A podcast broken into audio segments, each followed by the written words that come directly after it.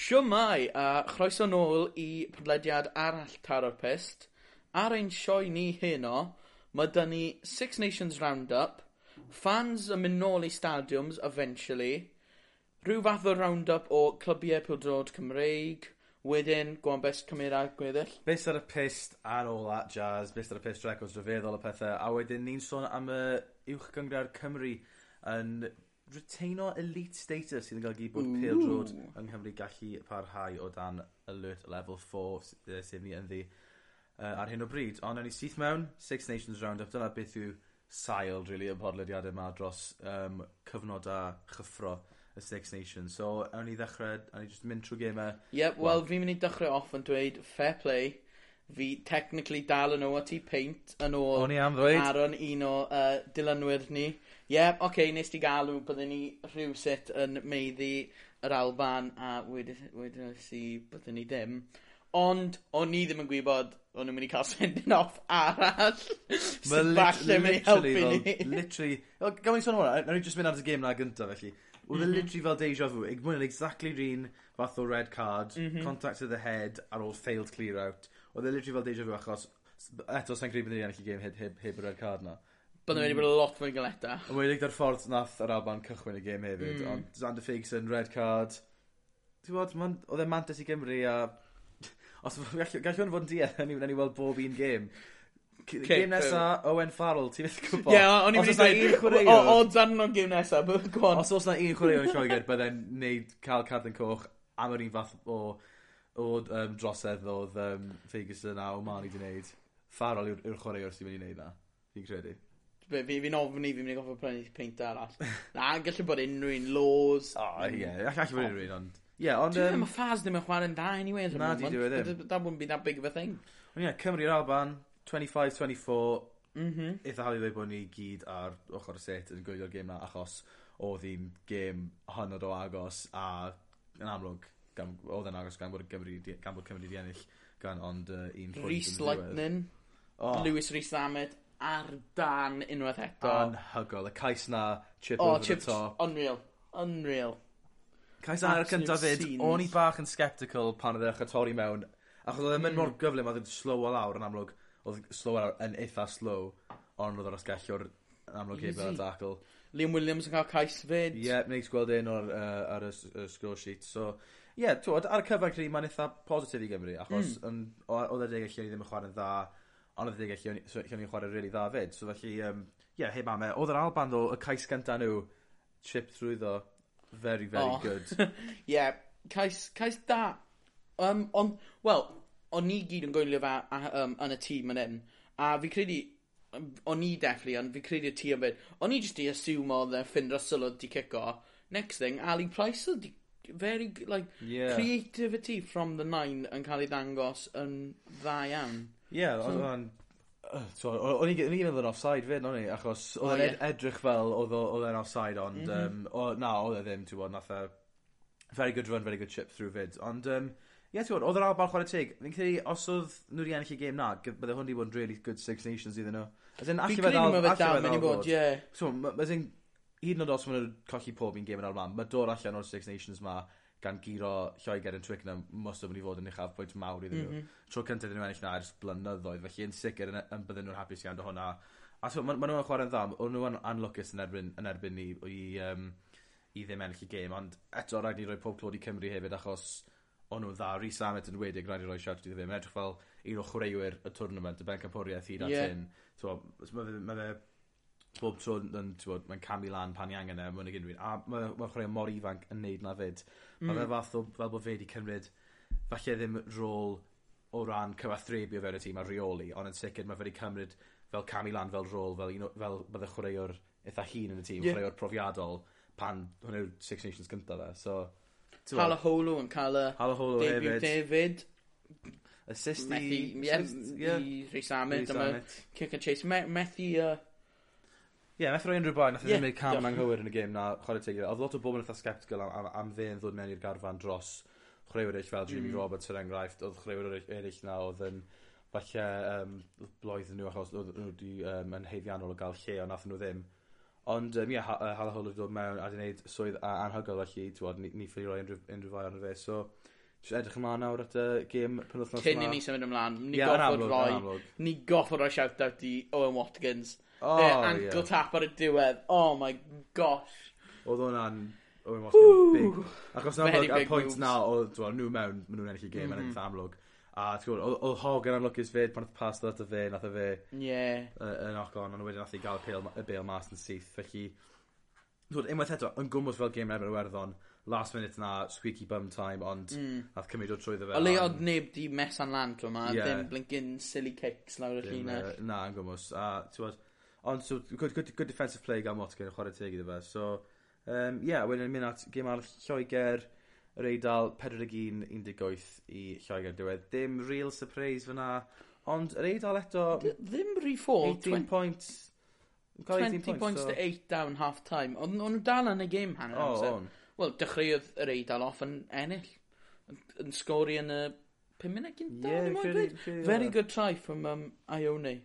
Ond Lloegr. o- o'n o'n nhw'n mynd i ennill ond oedd just bach o look falle neu just Ie. ...unwaith dechreuon nhw sgori oedd yn digon hawdd i nhw pigo Ti'n cael y cais neis na yn y gornel do, pwy, mm. um, pwy sgwrdd eto? Johnny May Johnny ond May, just- wedyn y, y holl dadleuon yn y byd rygbi ar ôl ni yn dweud dyle fe ddim 'di bod yn cais yn ôl the legend that is Nigel Owens achos fel wedodd e nath mae Johnny May 'di neidio i yfeido'r tackle yn lle...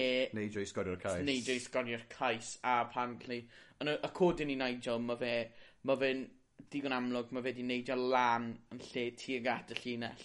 Ie, Ond, cais da, anyway. Ie, cais da. Um, so ie, yeah, fi'n credu, oedd ddim am, e am, am y canlyniad, just faint o fwlch oedd mynd i fod rhwng uh, yn y sgôr. Ond, um, ie, yeah, Lloegr, ti'n gwybod, mae'n dda bod nhw'n cael um, win momentum dyn nhw ar y mynd mewn i mhm. gym mawr na. wedyn, um, werddon Frank, gym agos eto, i werddon dod nôl mewn i fi ar ôl hanner amser, achos hanner amser oedd hi'n 10 pwynt i dri mm. i Frank. Felly 15-13 yn y diwedd.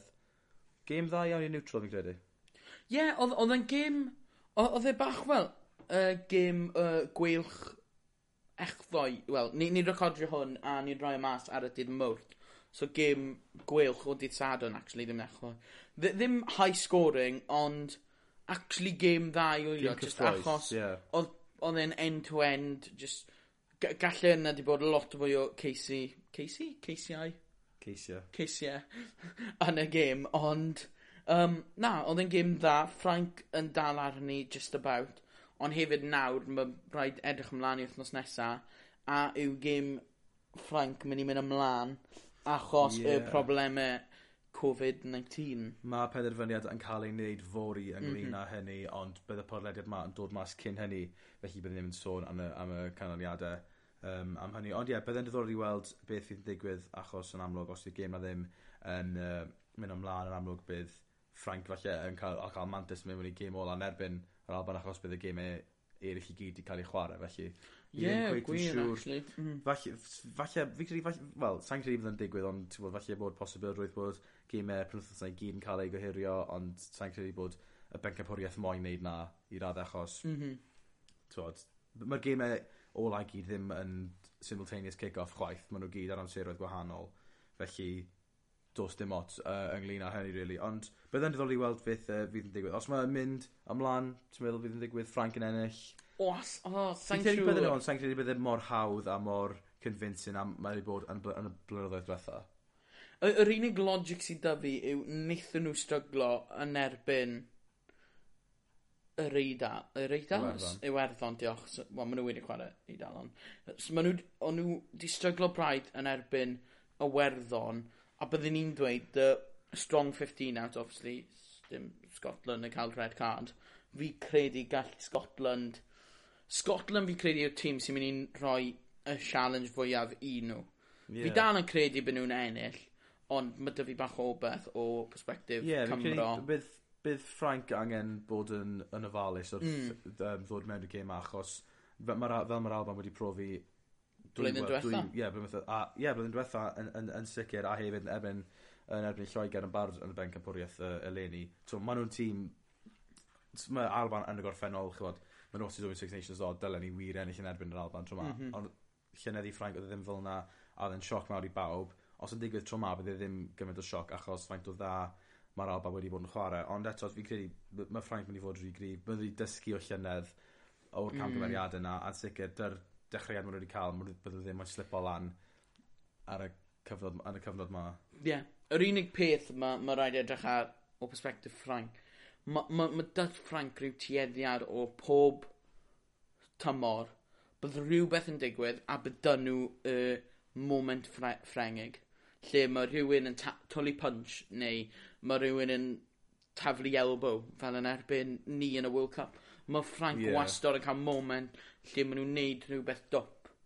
A dyna be mae y tîm hyfforddi ffrenig goff o gweithio arno yw naill ai i cael gwared o'r moment 'na neu yn fwy os mae rhywbeth fel 'na'n digwydd siwd maen nhw'n mynd i wedyn gweld y gêm mas a dal gwthio arno achos gyd sy'n angen digwydd yn erbyn Ffrainc uh, yn erbyn yr Alban yw once city moment a mae'r Alban yn ymwedig tymor 'ma 'dy'r tîm sy'n mynd i cymryd mantis arno 'na. Bach fel mae Cymru wedi bod yn neud ond ni wedi bod yn neud e just about. Fi'n credu, os mae hwn yn digwydd i'r i'r Alban, bydden nhw'n rhedeg i ffwrdd y gêm.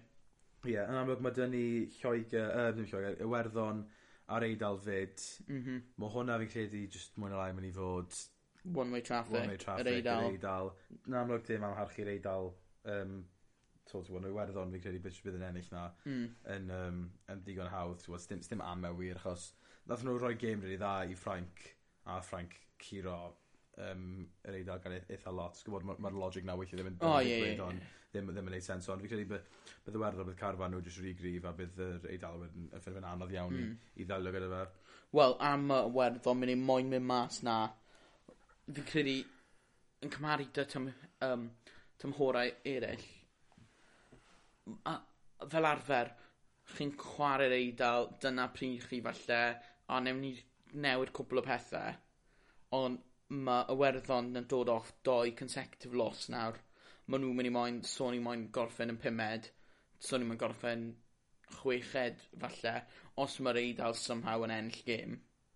So maen nhw'n mynd i moyn mynd mas 'na dy rhyw fath o carfan cryf falle jyst rili cyffordd fe ond y problem dy chwarae yr Eidal ma' ma' 'dy ti deg twenty minutes gynta lle bydd yr Eidal yn rhoi lan good fight a ti jyst gofo gwitho trwyddo fe unwaith mae 'dach chi un neu doi cais yn ychwanegol it's time to run away with it. Mae Ma' ma' pawb 'di wneud e mor bell â hwn mm. ond mae fe jyst goffod ond wedyn byddwn ni actually lico gweld yr Eidal yn trial cario momentum na past yeah. y 20, 30, 40 yn enwedig mewn i'r second half falle cadw momentum mae dyn nhw tîm ifanc mae dyn nhw possibly heblaw exception o dim Parisei uh, carfan gryfach maen nhw wed- wel ma' n'w 'di ca'l o'n yn o leia yn um, lifetimes ni so mm. ni wedi cael tîm gryfach dy garbrisi, oce okay, mae Pelendri ddim yn chwarae, ond Negri Polisi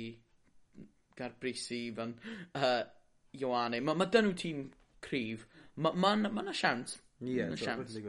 Wedyn amlwg gêm wel falle gall pobl dadlau gêm mwyaf y Ben bencampwriaeth. Yn enwedig i ni fel Gymru. Cymru Lloegr, y gêm mawr. Mm -hmm. Mae hwn yn mynd i fod yn un diddorol iawn, fi'n credu.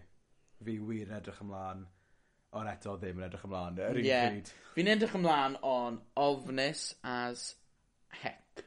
Chi byth So mae chi'r motto ma, motto, as long as we beat England, ti'n gwybod, a sdim byd arall yn, yn Bexo. Mm -hmm. Ond os, ti'n gwybod, ddim yn curo Lloegr fan hyn, pwy, pwy o'r beth sy'n ddigwydd i Ben bencampwriaeth ni. Os ma, so Frank yn ennill, mae rhaid ni dal land yn nhw wedyn. Os ni'n curo ddo, mae Frank yn, mae ma setio lan gêm mawr ar y diwedd rhwng mm. ni a mm. Frank. Sa'n siŵr. Fi credu...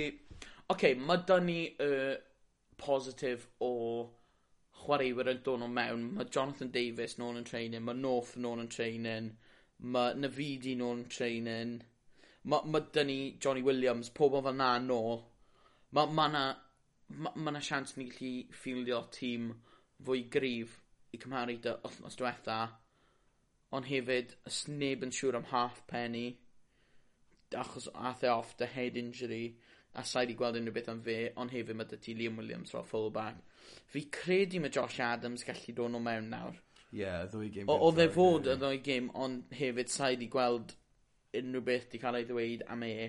Ond mae yna ma na, ma na ffordd i ni allu ffildio tîm gryfach, ond hefyd y peth o dy Lloegr yn y gêm gyntaf na yn erbyn y ddalban oedd big chwaraeus nhw, y Saris, ddim wedi bod yn chwarae. Ond mm. erbyn nawr, maen nhw wedi chwarae ar Alban, maen nhw wedi chwarae ar Eidal. Mae ma nhw nawr two games under the belt. Mae, um, ma' lot fwy o confidence mynd i bod 'da nhw a falle nawr yw'r amser maen nhw'n mynd i trio gwythio ymlaen, which isn't ideal for us. Na t'wo' fi'n credu mae Cymru mewn ffordd yn lwcus ac anlwcus bod wedi cael y saib 'na achos oedd y momentum gyda ni ar ôl cyd o'r Iwerddon a'r Alban ti'n t'mod byddwn mm. ni ddim wedi 'di disgwyl ennill a ti'n bydde cael y saib 'na am wthnos dim wedi fod yn delfrydol iawn ond eto o ran chwaraewyr Lloegr, y chwaraewyr 'na fel ti'n dweud chwaraewyr Saracens sydd heb fod yn chware yn y gyngroer a nawr sydd wedi bod yn chwarae maen nhw wedi cael wythnos off felly maen nhw heb chwarae wir. So mae hwnna'n mm. ideal i Gymru bod nhw'n cael wythnos off falle bod nhw'n bach off the pace 'to.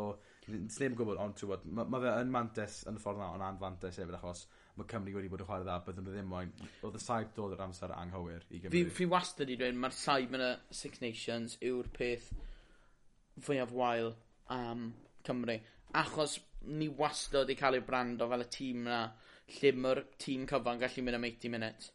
As in, na, na fel ni fel, yn ymwedig o dan Gatland, obviously mae ma hwnna'n mynd i cario ymlaen dy pifac beth bynnag, ni oedd y tîm ffitaf yn y byd, byddwn ni gallu mynd, byddwn ni gallu defendo am 80 minutes non-stop. Oedd hwnna siwr ni un o'r tîm oedd gorau yn y byd. A fi wastad i dweud, mae dynnu'r sgwad a mae dynnu'r chwaraewyr sy'n gallu neud e week in, week out a mae fe wastad fel, oh, gewn ni brec, a mae fe'n helpo pob tîm arall. Mm. Oce, okay, digon teg, cyfle ma, mae fe wedi helpu ni trwy cael north no mewn, trwy cael pwy bynnag arall nes i listo fel y chwaraewyr sy'n dod no mewn achos injury, ond hefyd byddai'r momentum na di bod yn gwych yn enwedig kind of catch England on the back foot. Ond hei ho, gad i ni symud ymlaen yn gloi i wneud rhyw fath o round-up quick of Innit, Alan Winnett. Yes, yeah. fi'n caru un hwnna. Um, sef Fantasy Rugby League ni, a gaethon ni fel taro pist sioca o week 2, round 2. As in, oedd e ddim re-fall, ond eithon ni o gynta ar ôl game day 1 i 11th. Ddim yn ddelfodol o gwbl yn amlwg. Ddim yn ddelfodol. Mae pawb yn cael stinker weeks yn fantasy. Mae'n digwydd mm -hmm. o am dro i dro. Ond, Ond y gobeith yw, wythnos yma, bod ni'n pigo lan y pes eto ac yn trial herio'r safle Ni, ni dim ond lawr i chwech, i chweched. Mae Ems dal yn ennill y thing, damn you Ems. Gath e bach o look dy Anthony Watson, na, dy Johnny May, sori, hogli, sa'n credu gath unrhyw un oedd hi. blinkin sgorio. Um, ond, gêm dda o Ems, a wedyn cwpl o pobl fel Tips, Ozap, Owain, di dal ni lan. Dyna oedd y problem yn cael Anthony Watson a gath e dwy geis a gaethon ni cwpl o injuries er enghraifft half penny mynd off yn gynnar iawn. Ddim yn ideal, ond ddim yn ideal, gobeithio ond... newn ni pigo pethau lan. Wthnos nesa, ie. Yeah. A neud yn siŵr bod yr un pethau mynd digwydd to. Ie, yeah, please. Ond, ie, um, yeah, rhywbeth um, bach gwahanol ar amlwg mae ni ddim yn lico siarad am wleidyddiaeth gormod yn y raglen ond... mm -hmm. ...dyw hwn ddim rili yn berthnasol i Gymru am efo mwy o rhywbeth sydd digwydd yn Lloegr. Mae Boris Johnson wedi rhyddhau fath o roadmap i Loegr ddod allan o cyfnod clon nhw. a un o'r pethau sydd yn dod i hwnna yw fans yn dod nôl i stadiums. Mhm. Felly mm -hmm. ar uh, 17th of May mae Boris Johnson wedi dweud bod tua ten thousand fans yn cael mynd mewn i stadiums os mae uh, capacity stadiwm 'na gallu lawr Mae'n fel ten thousand maximum o wedyn amlwg... mm -hmm. ...ma' fel half capacity stadiwm eraill. sydd yn wel beth a bold fi'n credu i dy- roi i dyddio a roi dyddiadau yeah. ...ar gyfer pethau mawr fel hyn achos yn herwydd gwleidyddol yn amlwg os chi'n rhoi pethau mas fel un o wedyn maen nhw'n ma' nw'n newid ma' pobol myn' i dechrau gweithio ond mae fe yn kin' o dangos cam nôl at nol- normaldrwydd. Mhm. mm -hmm. A ma' gwelwn ni fe tro cynta tua mis Tachwedd mis Rhagfyr pan oedd uh, fans cael dod o'n i stadie mewn y Premier League a Championship yn um, yn amlwg o'n dibynnu o'r pa tir o'n nhw mewn yn y Lloegr. ond ie yeah, 10,000 yn dod nôl a wedyn yr holl yr obeth yw bod y gyfyngiade i gyd yn cael eu codi erbyn y cyntaf ar hugen o Fehefin sydd eto t'wod i cael bob dim 'di mynd erbyn ni mae fe yn eitha bold ac Um, Very bold. Ma'n mae'n i fod yn yffach o her i gyflawni fe. Ond mae hwnna'n meddwl wedyn o ran, fel dim rhan heleth o'r Euros, ond bach o'r Euros yn wedig yn Lloegr, mae hwnna'n golygu wedyn bod fans mm -hmm. yn cael mhm. mynd, sydd mynd i fod yn neis i fans Lloegr yn amlwg, mae teithio i weddill Ewrop achos mae... Sneb rili'n gwybod beth sy'n mynd i digwydd. Achos mae fformat uh, um, y twrnwma'n dylunni, mae ma cael ei... Um, Wel, mae'r lleoliadau gwahanol ar, ar draws mm -hmm. Ewrop yn mynd o, o tiwod, o o Linden i i Baku yn Azerbaijan felly o ran hwnna mae hwnna yn bach yn ansicir Yn wedi i gefnogwyr Cymru achos ma'r ma'r mhm. ddou ma' ddwy gêm yn Baku. Gynta ni yn Baku. A wedyn mae'r un yn yr Eidal yn rhifain. Felly sy'n gwneud siŵr beth yw. Ond mae fans o'i stadiums, ti'n meddwl bod yn syniad da erbyn ni, ma, ond eto mae'n anodd dweud achos mae'n cwbl ddibynnu ar sut mae infection rates a rates yn Lloegr yeah. ar yr adeg. So, Sa'n siŵr, obviously, swn i'n mynd i mewn, mynd mewn i'r ochr gwleidyddol, achos that's not our show. Ewch chi gwrando i gwylio gwleidyddiaeth ar Express. Croeso i chi am y plug. Um, ewch chi gwrando i nhw am y gwleidyddiaeth, ond fi credu bydde'n neis cael fans nhw. Mae fe masif element o mewn unrhyw chwaraeon. Mm -hmm. Yn enwedig pildrod, rygbi. Sdim byd i cael... Sa'n credu mae rygbi di dod mas a dweud unrhyw beth to. Ond, anyway, mae ma' cael fans mewn yn ym- imagine penwthnos 'ma yn y rygbi yn... 'Sa cardydd llawn goch. ...yn y Principality bydde fe'n enfawr bydde pawb yn canu bydde pawb yn gweiddi bydde streets yn llawn pobl yn canu gweiddi eto um, a mae ma' fe jyst yn ado y normalrwydd ond yr element o passion neu beth bynnag nôl mewn i'r gêm a mae ma' fe hangen. A ma' y peth sy bydde'n neis achos yn greu o'n i'n sôn am hyn pan o'n i'n gwylio fath o fel hen clipie edrych mm. o blaen, oedd e bach yn odd gweld fans mewn stadie achos erbyn hyn ni mor as in mae'n dod yn yn normal i just weld y, fel y baneri yn, yn, Ie. yn, neu jyst se- seti gwag. Mae bach yn... So, mae ma fe yn neis cael fel, just meddwl am dod nôl i'r um, uh, ochr normal o bethau. Yn amlwg, mae'n dweud yn, yn y cynllun no earlier than the 17th of May felly hwnna hmm. bydd 17th of May bydd y dyddiad gynharach iddo fe ddigwydd mm -hmm. dibynnu os mae'n digwydd neu ddim felly mae fe'n neis iawn cael fans o'n Stadiums yn amlwg bydde yn delfrydol i weld na achos dyna mae pawb moyn. Mae pawb moyn jyst mynd i gêm pêl drod, jyst gwylio fe, jyst cael ishte na yn y stadiwm gyda cyd cefnogwyr yn cefnogi'ch mm -hmm. tîm. Sdim byd well yna. Fi'n credu bydd e'n emosiynol iawn i, i lot o bobl pan nhw'n nhw, dechrau mynd nôl yn wedig. Yeah. Os ych chi'n, twod, um, cefnogwr angerddol i, i'ch tîm chi. Ond um, symud ymlaen, a ni bach o round up o clybiau Cymru y uh, byd pildrod dros penwthnos ac i dri allan o uh, bedwar tîm oedd e'n penwthnos i anghofio. Yeah. A ni ddechrau dy ni Abertawe achos oh, fi eisiau cael hwnna after yeah, yeah. Yn amlwg mae Abertawe wedi bod yn anhogol y tymor ma, mae nhw wedi bod yn ennill left right and centre, defensive heb ildio goliau, ond... Um, dros y penwthnos nath nhw golli pedwar un i Huddersfield oedd yn t'wod gêm oedd odd neb yn ddisgwyl i Abertawe golli achos oedd Abertawe heb colli yn dwy a oedd Huddersfield heb ennill yn dwy fil a dau ddeg un ond sod's law... Dyna'r ffordd mae sods yn gweithio. Ie. So yn amlwg ddim yn uh, ddyfodol i credu nath Abertawe ildio dau cant o'r golie am wedi ildio yeah. holl tymor just ar un gêm na. Oedd ddim yn gêm dda iawn, oedd nath Cooper galen anghywir ar y diwrnod Chwarae teg i Huddersfield, ti'n gwybod, nath nhw ddim chwarae yn, yn wael y difyr o gwbl, oedd no. un o goliau nhw yn absolute Very screamer. Ond hefyd, just defending yn gwael. Ie, oedd lefel am ddiffyn ddim yn safon disgwyliedig yn amlwg. Mm. A newyddion gweithau awr tawe bod Jordan Morris, chwaraewr arfenthyg o Seattle Sounders, um, wedi cael ei, wel, ddefrydu allan am weddill y tymor gyda ACL, ACL. injury sydd ddim yn eith achos, ond llawn llaw o ge, llawn llaw, lon llaw o gemau. Mm. Pumed appearance yn y gyd. Ie, yeah, um, sydd yn, dwi'n meddwl, ffordd sydd y fe, mae ma ddim yn ddod achos oedd edrych fel chwaraewr addawol pan oedd e'n dod ymlaen, ti'n gwybod, e mm. ddim wedi cychwyn unrhyw gemau heblaw am uh, Man City yn yr FA Cup, fi'n credu. Yeah. Ond hwnna oedd unig gêm nath e o ddechrau. Felly mae'n ma, ma, ma anlwcus iawn iddo fe, a namwg ni'n dymuno bod yn um, dod yn ôl o'r anafiad yn, yn saff ac uh, mor gloi o bosib. Ond fel, fel chwaraewr oedd arfenthyg, oedd edrych yn gyffroes iawn. Ie. Yeah. lot o hype, oedd lot o cefnogwyr Seattle Sounders yn dweud faint o dda oedd e, felly mae'n... ma, ma ddim yn Mae'n ideal. gytyn, ond mae rhaid symud ymlaen. Mae Abertawe jyst angen anghofio gêm na, mae'n chwarae Coventry, nos fori.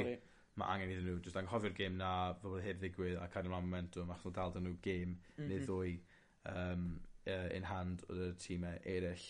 Ond, mynd lan, tugas Gardydd, Game 4 nil, very good game nil, o... Very good result iddyn nhw. Felly, ti'n wad, maen nhw ffili... Um... Yw, yw, yw, i fi'n cywir yn dweud so Mick McCarthy di colli?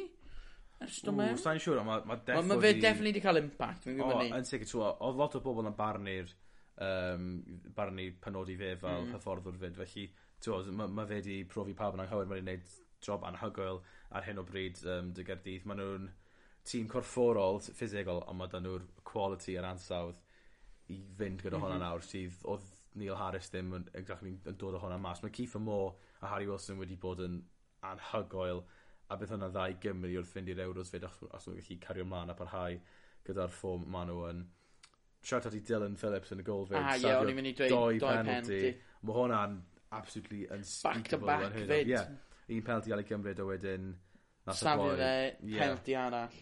A safio'r ail penalty fe, felly chwarae fe. Cardydd yn amlwg yn dechrau camu lan tuag at y playoff places nawr.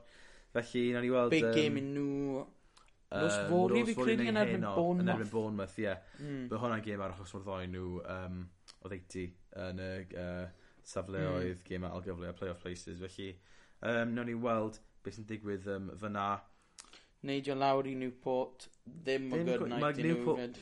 Mae hwn yn classic cast, classic cast newydd mae'n digwydd bob un tymor. Mae nhw'n cael dechreuad anhygoel, unwaith yn dod i mis Ionawr, mae'r switch na digwydd a all of a sudden maen nhw'n colli gemau, maen nhw'n colli mm -hmm. momentum, llithro ar y gyngred, a maen nhw ddim, a maen nhw'n lwcus iawn i gael gemau al gyfle wedyn. Sydd mor frustrating achos maen nhw'n gallu gwneud job da iawn hanner cynta'r tymor, ond unwaith o'n i'r ail hanner maen nhw'n gwneud yn absolutely shocking. Ex-Roegr yn yeah, sgori Jamil yn erbyn nhw fe, Jamil Matt sgorio pen. Um, yeah, so dyna ddim yn, tywod, ddim ideal. Mae ffordd fi'n ennill, so mae ma, ma, ma Newport County di ennill un gêm mewn 13. Mae hwnna... Oedd nhw'n gynta? Ie, oedd nhw'n gwrthod, o'n nhw ddim yn bygwth na, na unrhyw beth. Felly, um, dwi, ddim, dwi ddim yn dda iawn i Mike Flynn ac Asnedd ar hyn o bryd mae hwn yn digwydd cwpl o weithiau dan Flynn nawr lle mae Casnewydd yn ca'l hmm. momentum wedyn colli fe ar hanner y tymor mae angen i n'w droi hynny um, o gwmpas os maen nhw moyn tywod r- rili herio ar gyfer um, lle yn um, yn League 1 Ond tîm sydd bydde moyn dod lan i um, League 2 yw Wrexham ond yn anffodus her iddyn nhw gael Ie. um, perchnogwyr newydd colli 3 dim i Aldershot John Boubley yn sgorio dwywaith. Ond, ond cyn hynny oedd Wrexham wedi cael chwech gêm heb golli, felly mae hwn falle... Mae ma, ma, ma, ma just, ie, yeah, bach o blip fel y Swans. Ond, um, ie, yeah, ti'n gwybod, mae ma Aldershot um, nawr yn, yn mynd 12, mae Wrexham yn seithfed, felly jyst i allan i llefy i'r... Uh, um, Playoffs. Felly um, gobeithio bydden nhw gallu um, cael y momentum na, mm -hmm. ti'n bod, achos... Fi'n credu, ymwedig dy'r buddsoddiad newydd yn dod mewn, bydd cefnogwyr a'r prechnogwyr newydd yn disgwyl i, i Rex yn dechrau cyng, uh, yeah. cyrraedd a dechrau dringo'r cyngreiriau cyn bod hir. Felly, so yn gobeithio bydde, bydden nhw'n gallu gwneud na, achos bydden mor neis cael y pedwerydd tîm na yn, um, yn y cyngreiriau. Yn y system proffesiynol cyngreiriau. Mm. Felly, ie, yeah, ni weld, um, gobeithio, ond ie, yeah, o chwech gêm heb golli cyn colli older shot, felly gobeithio bod jyst troi rownd fel gobeithio bydd y Swans yn neud, mm. anghofio'r colliad na a cael ymlaen y momentum gyda um, gêm nesaf nhw. Um, nawr, Hoff section hoff pawb. Segment, hoff segment ni, os hoff chi... segment chi, hoff segment pawb. Pawb yn y byd. Um, os ych chi ddim yn um, gwybod y segment yma eto... Ble chi wedi bod? Bes ar y pist, mae Tom yn dewis un, chwre, un person o'r um, byd chwaraeon a mae'n fi dyfalu pwy yw'r person hynny a records rhyfeddol mae dy fi doi record yn y byd chwaraeon Tom gorfod dyfalu pwy sy'n dal y records a mm -hmm. nifer y record yna. Standard um, formation. Yeah. Os ych chi gyda unrhyw um, fath o suggestions chi moyn i ni wneud, jyst anfonwch neges i fi a Tom mm. ar Twitter neu ar gyfer Twitter. Os chi moyn roi ni bist ar y pus, neu yeah. record chi'n meddwl bydd y person arall yn stryglo dy, halwch ei ni yn yeah. personol, neu rhowch ar y ar gwef, ar gwefan, dim dyn ni gwefan, Na. ar Twitter ni, yeah. at taro'r pes. Neu mae dan ar Facebook, roi, ni roi, o, oh, Tom, mae hwn i ti, a wedyn bydd Aled ddim yn edrych arno fe, Ie. a wedyn y ffordd versa. arall ffordd. rownd. So, standard records. TVT. Pil Jordan y rygbi, pa un ti ffansi gyntaf? Ewn ni pwyd drod gyntaf de. Iawn, so hwn yw'r youngest ever player to reach 50 Premier League goals. Guess off the bat? Rooney. Na. Good shout, though. So ma'r chwaraewr 'ma ar hyn o bryd yn forty five years old so mae wedi ymddeol. O okay. Mae fe currently yn head coach East Bengal sydd bach yn weird. Oce Mae hwnna ti rwlo mas cwpl. A mae 'dy fe cousin sydd yn professional boxer. Flip me. neck fi 'a'th ennill gold medal yn y twenty fourteen Commonwealth Games. 45. Okay, mae'r ma, ma, ma coaching thing just mas o hynna, achos... So, sa, So sa actually, gwi... well, fi'n mynd i... East Bengal yw Indian League neu rhywbeth. Indian League, ie. Yeah. yeah. Dim time ddim na. Um, fi'n mynd i... Yw e'n sais? Odi. Okay. So, sais 45 years old. Michael Owen? Na.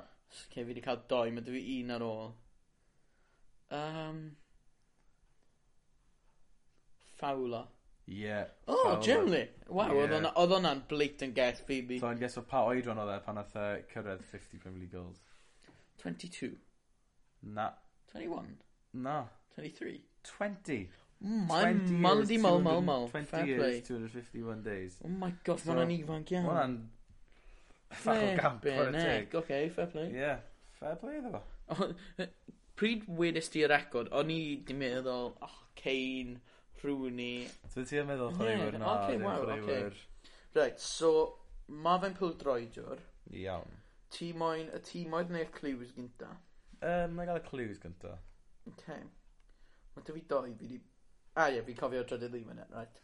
So, ma fe di sgorio 122 gol am ei prif tîm. I'll get to that bit in a sec. Mae fe dy over 90 international appearances dros o leia doi World Cup a gath e nomination am y Ballon d'Or yn 2017. So bach o different okay. um, calibre o chwaraewr i fi fel arfer wneud. Yeah. Right, so tîm oedd mm -hmm. Stad Leuven, sy'n fi gwybod, Anderlecht, Gent. oh gosh, cwni off, Endracht Alst, falle, AGOVV. Fi'n mynd i geso maen nhw just... Maen nhw'n lower teams yn y Swiss? Wel, sa'n siŵr.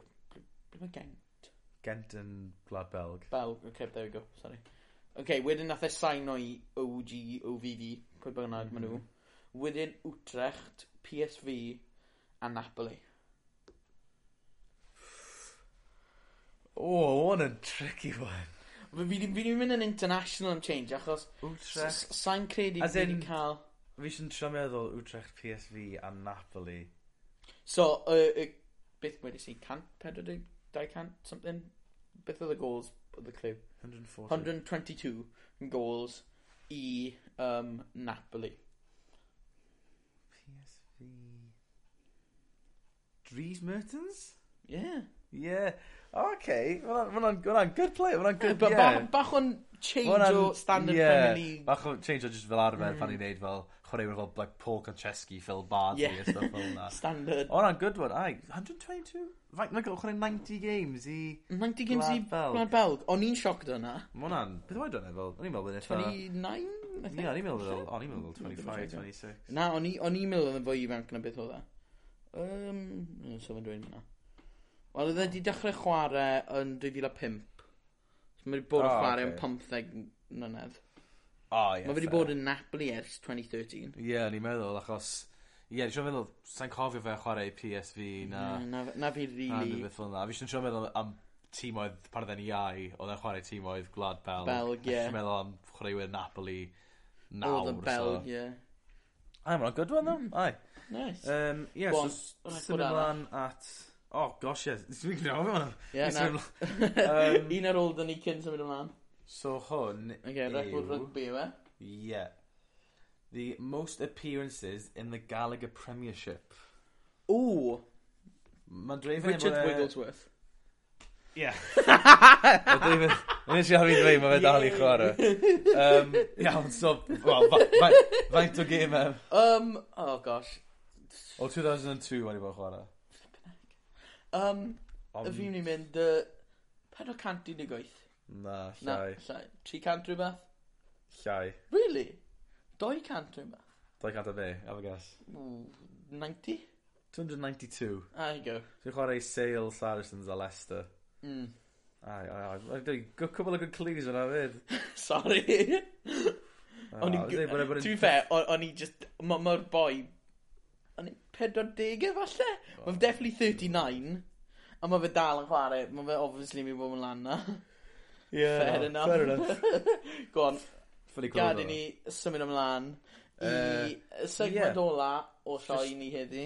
Uwch gyngor um, Cymru, JD Cymru Premier, wedi, um, wel, di cael retained elite status, sydd Dda anodd i ddeall i raddau. Ti, achos... ti, di, ti di dysgu, dysgu mewn i hwn? Ti di edrych mewn i hwn, sa'i wedi, so fi wedi gael ti... So, mae'n dweud bod elite status reinstated with immediate effect. So, mae hwnna'n golygu wir bod well, chwarae yn, yn parhau o dan alert level 4, achos o dan alert level 4 cyn oedd ddim elite status, oedd ddim hawl i clybio, oedd ddim yn proffesiynol i chwarae. So, fi'n credu nawr bod yr elite status na di cael ei grantio nôl, Fi'n credu ma' hwnna'n golygu nawr bod tîm wed- yn cael chwarae ar alert level 4.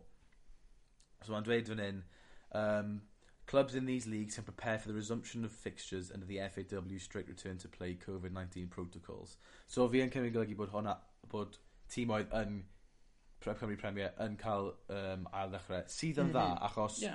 mae Cymru Premier wedi dros y ddwy flynedd diwethaf fi'n credu 'di codi mewn statws a lefel Ma' fe ma' fe. Mae'r lefel t'wod nes i gweld 'na dydd y tîm oedd yn y Champions League nodd Kay Connor 'di chwarae... Um, o oh, sa'n cofio enw'r tîm nawr Ess Kay Partizan ne' rhywbeth fel 'na Oedd yn... Sevenrhyd. 'di ennill yng Ngwyrnw a 'di chwarae group stage Champions League... mm. ...last 3 neu 4 years ne' rwbeth fel 'na so mae hwnna'n dangos y safon um, dda. Mae JD Cymru North a JD Cymru South ddim yn ca'l s- yy league status sydd yn golygu bod nhw um, ffili a ddechrau chwarae. ond mae'r Cymru Premier nôl sydd yn dda achos mae'r safon yn dda. mae ma' lot o good players yn yn y Cymru Premier sydd a mae lot o glybiau proffesiynol mae 'da ti Bala, Kay Connor yym... ...Barry a TNS i gyd sydd yn ro- a mae Holford yn credu 'fyd. Oedd yn sioc i fi achos oedd dyn nhw pan oedd um, yn y firebreaker lockdown oedd Holford yn parhau chwarae. so fi'n cymryd bod um, status proffesiynol gyda nhw. ond mae'n dda bod tîmoedd Pre Premier yn dod nôl mae'n golygu bod um, chwarae gallu um, parhau a byddai'n neis gweld Aaron Rodgers nôl yn y Cymru Premier 'fyd achos... Pwy mae'r sain o'i nawr? TNS. TNS ie. Achos pan oedd e gyda Cardiff Met oedd e yn anhygoel oedd e'n mor anodd i stopio oedd e'n elite striker a e ah, oedd e Ay Eff See Wimbledon yn anffodus heb cweit ddigwydd i fe fyna. Fi credu oedd e edrych nôl fi credu oedd e'n step back too big of a jump. Falle os oedd e wedi mynd League 2. Premiership achos League 2. Ni'n gweld Priestley Farquharson, Priestley Farquharson, Priestley Farquharson ar hyn o bryd yn chwarae i Gasnewydd ac yn chwarae'n dda. mae yn y tîm yn barhaol, ma' 'di chwarae the last four or five games ers yr wyddo. Ma' 'di dechre pob un a mae cefnogwyr yn dweud bod e yn chwaraewr really da so mae hwnna'n dangos y safon Cymru Premier. Os mae chwaraewyr fel Farquharson gallu neud yn 9-9 League 2, falle bod League 1 just jyst bach yn... He's bigger os ti'n meddwl am Bencabango. Cabango, Mae fe wedi mynd o TNS un tymor i yeah, dechrau The Odd Game i Swans. Ar lôn y TNS, a nawr mae'n barhaol yn tîm o'r lai. Dechrau Cymru fwy na tebygol yeah. yn y gemau sy'n dod lan so, mis nesaf. Mae'r gyngor yn, mm. yn dango... A mae ma, ma, ma, ma chwaraewyr sydd yn mynd o, o clybiau mawr yn mynd ar fenthyg na. Mae um, fi'n credu bod Holford wedi arwyddo chwaraewr ar fenthyg o Leeds um, fel chwaraewr uh, eitha ifanc. O, ie, fi'n cofio ti Mae chwaraewyr... Mm yn y dyff- yy, gorffennol ma' cynchweliwr Abertawe Keston Davis, mm -hmm. Henry Jones, mae Daniel Alfie i chwarae yna, a mae pwy yw'r boi 'na sydd wch- ar fenthyg o Gaerdydd a'r hwrffo- hwlffordd ar hyn o bryd? O! Danny oh. Williams. oh, good Ma' fe knowledge. ar Fair ar fenthyg o play. Gaerdydd 'na. So t'mo' ma' lot o chwaraewyr sydd o safon dda a ma' nhw'n mynd i cael ail chwarae nawr um, yym ailgychwyn chwarae. felly bydde... A mae Nathan Craig nôl yn Cynarfon. Ww! Ma' Nathan Craig... Ath adael Caernarfon... Big news! ...ar gyfer her newydd gyda Flint wedi ail ymuno Cynarfon chwech mis yn ddiweddarach sydd bach yn baffling ond mm. um, ond ie, yeah, mae pêl-drod yng Nghymru yn cael algychwyn o dan Alert Level 4 sydd yn dda iawn yeah. enwedig i'r clybiau i gyd. Nice happy note i yn gwmwys i orffen ar I orffen y sioe. So... Diolch yn fawr iawn i chi am rando ar y podlediad heddi. Gwnewch yn siŵr i rando ar y podlediadau eraill ar Spotify a Mixcloud os 'ych chi heb yn barod. Os chi'n yn gwbod pryd mae'r pethau 'ma'n dod mas a cael y lincs iddyn nhw gyd dilynwch ni ar Twitter neu rhowch like i ni ar Facebook er mwyn gwybod pryd mae'n mynd lan. Uh, heblaw am ni, gobeithio bod chi'n mwynhau Six Nations dros y penwthnos. Gobeithio by' ni curo Lloeger. Fingers crossed bydd Cymru yn ennill ond ie, uh, yeah, diolch yn fawr iawn i chi am rando a fyddwn i chi yn y bodlediad nesa. Tara. Tara.